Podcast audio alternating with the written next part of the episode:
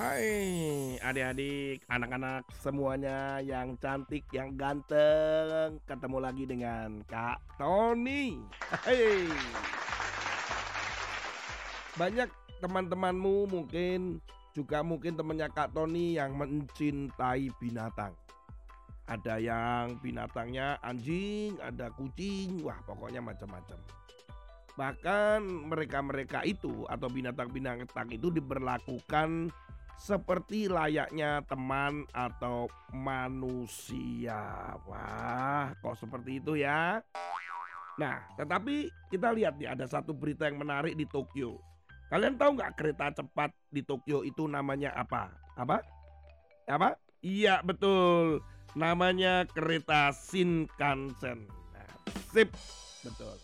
Baru-baru ini dilakukan uji coba bagaimana kalau kereta Shinkansen ini ada kereta khusus atau tempat khusus, kursi khusus untuk anjing-anjing.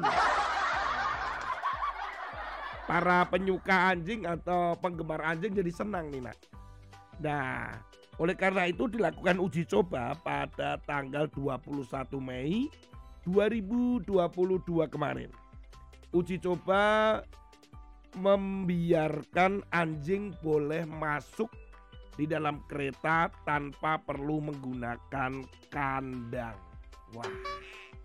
Jadi anjingnya bisa berkeliaran, kalau duduk pun memang ada kursi khusus yang dilapisi plastik. Kesempatan uji coba ini dimanfaatkan oleh banyak penggemar anjing anak-anak. Dan mereka-mereka ini yang mendaftar pada saat uji coba ada 21 anjing termasuk jenis Corgi, Pomeranian, dan Schnauzer. Jadi anjing-anjing ini dibiarkan masuk berkeliaran tapi sebenarnya duduk saja sudah tenang kok. Anjingnya sudah duduk. Dan para pemiliknya jadi senang anak-anak. Karena dia bisa melihat anjing itu sewaktu-waktu dan tetap bisa bersama-sama dengan mereka. Karena biasanya hanya ada di dalam kandang, di tempat khusus, kandang khusus. Karena hari-hari ini, ya sampai hari ini, bisnis anjing atau penggemar binatang-binatang peliharaan itu di Jepang ini sedang booming atau sedang laris-larisnya dan menjadi ladang bisnis yang menjanjikan dengan luar biasa. Wah, enak nih kalau bisnisnya ya. Lancar ya.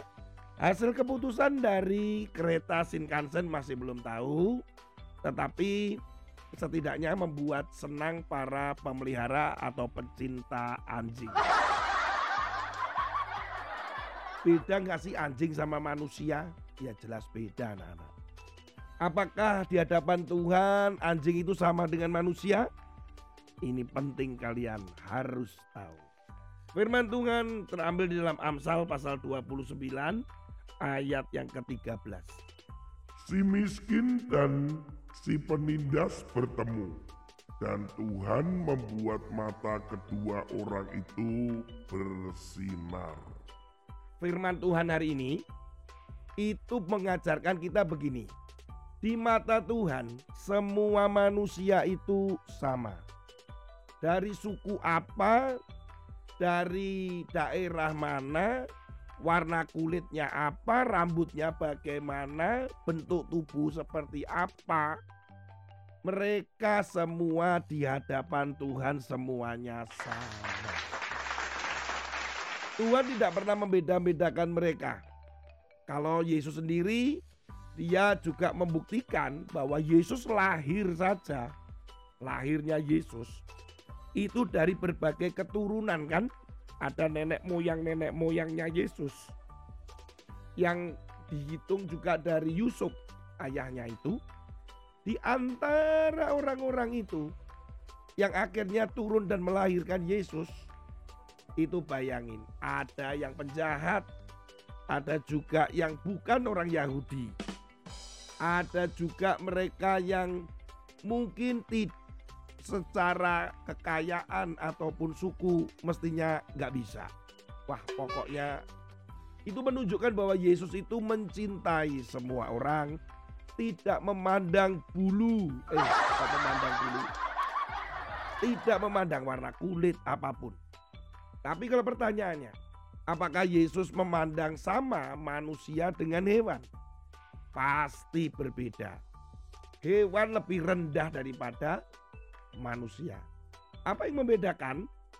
Manusia itu memiliki roh Tuhan yang dihembusi oleh nafasnya Allah sendiri waktu diciptakan. Sementara hewan itu tidak ada roh daripada Tuhan. Memang diciptakan oleh Tuhan itu dari tanah. Demikian pula hewan, tetapi tetap berbeda. Sementara manusia yang berdosa ini ditebus oleh Tuhan. Artinya karena begitu cintanya kepada Kakmu dan Kak Tony. Nah hewan enggak ngapain. Jadi memang anak-anak hati-hati bahwa kita jangan terlalu mencintai binatang atau hewan terus kemudian mau disamakan dengan manusia.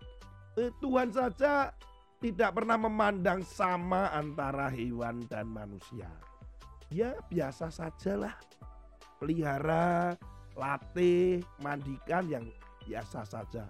Jangan menyamakan mereka dengan manusia, apalagi menyamakan mereka dengan temanmu. Itu lebih jahat lagi. Ya, dengan memaki-maki. Nah, Tuhan yang tidak memandang manusia dari suku latar belakang atau apa pun, demikian juga karena kita anak-anaknya juga tidak mau membeda-bedakan orang lain. Semua sama di mata Tuhan, sama di mata kita, kecuali manusia dan hewan itu berbeda.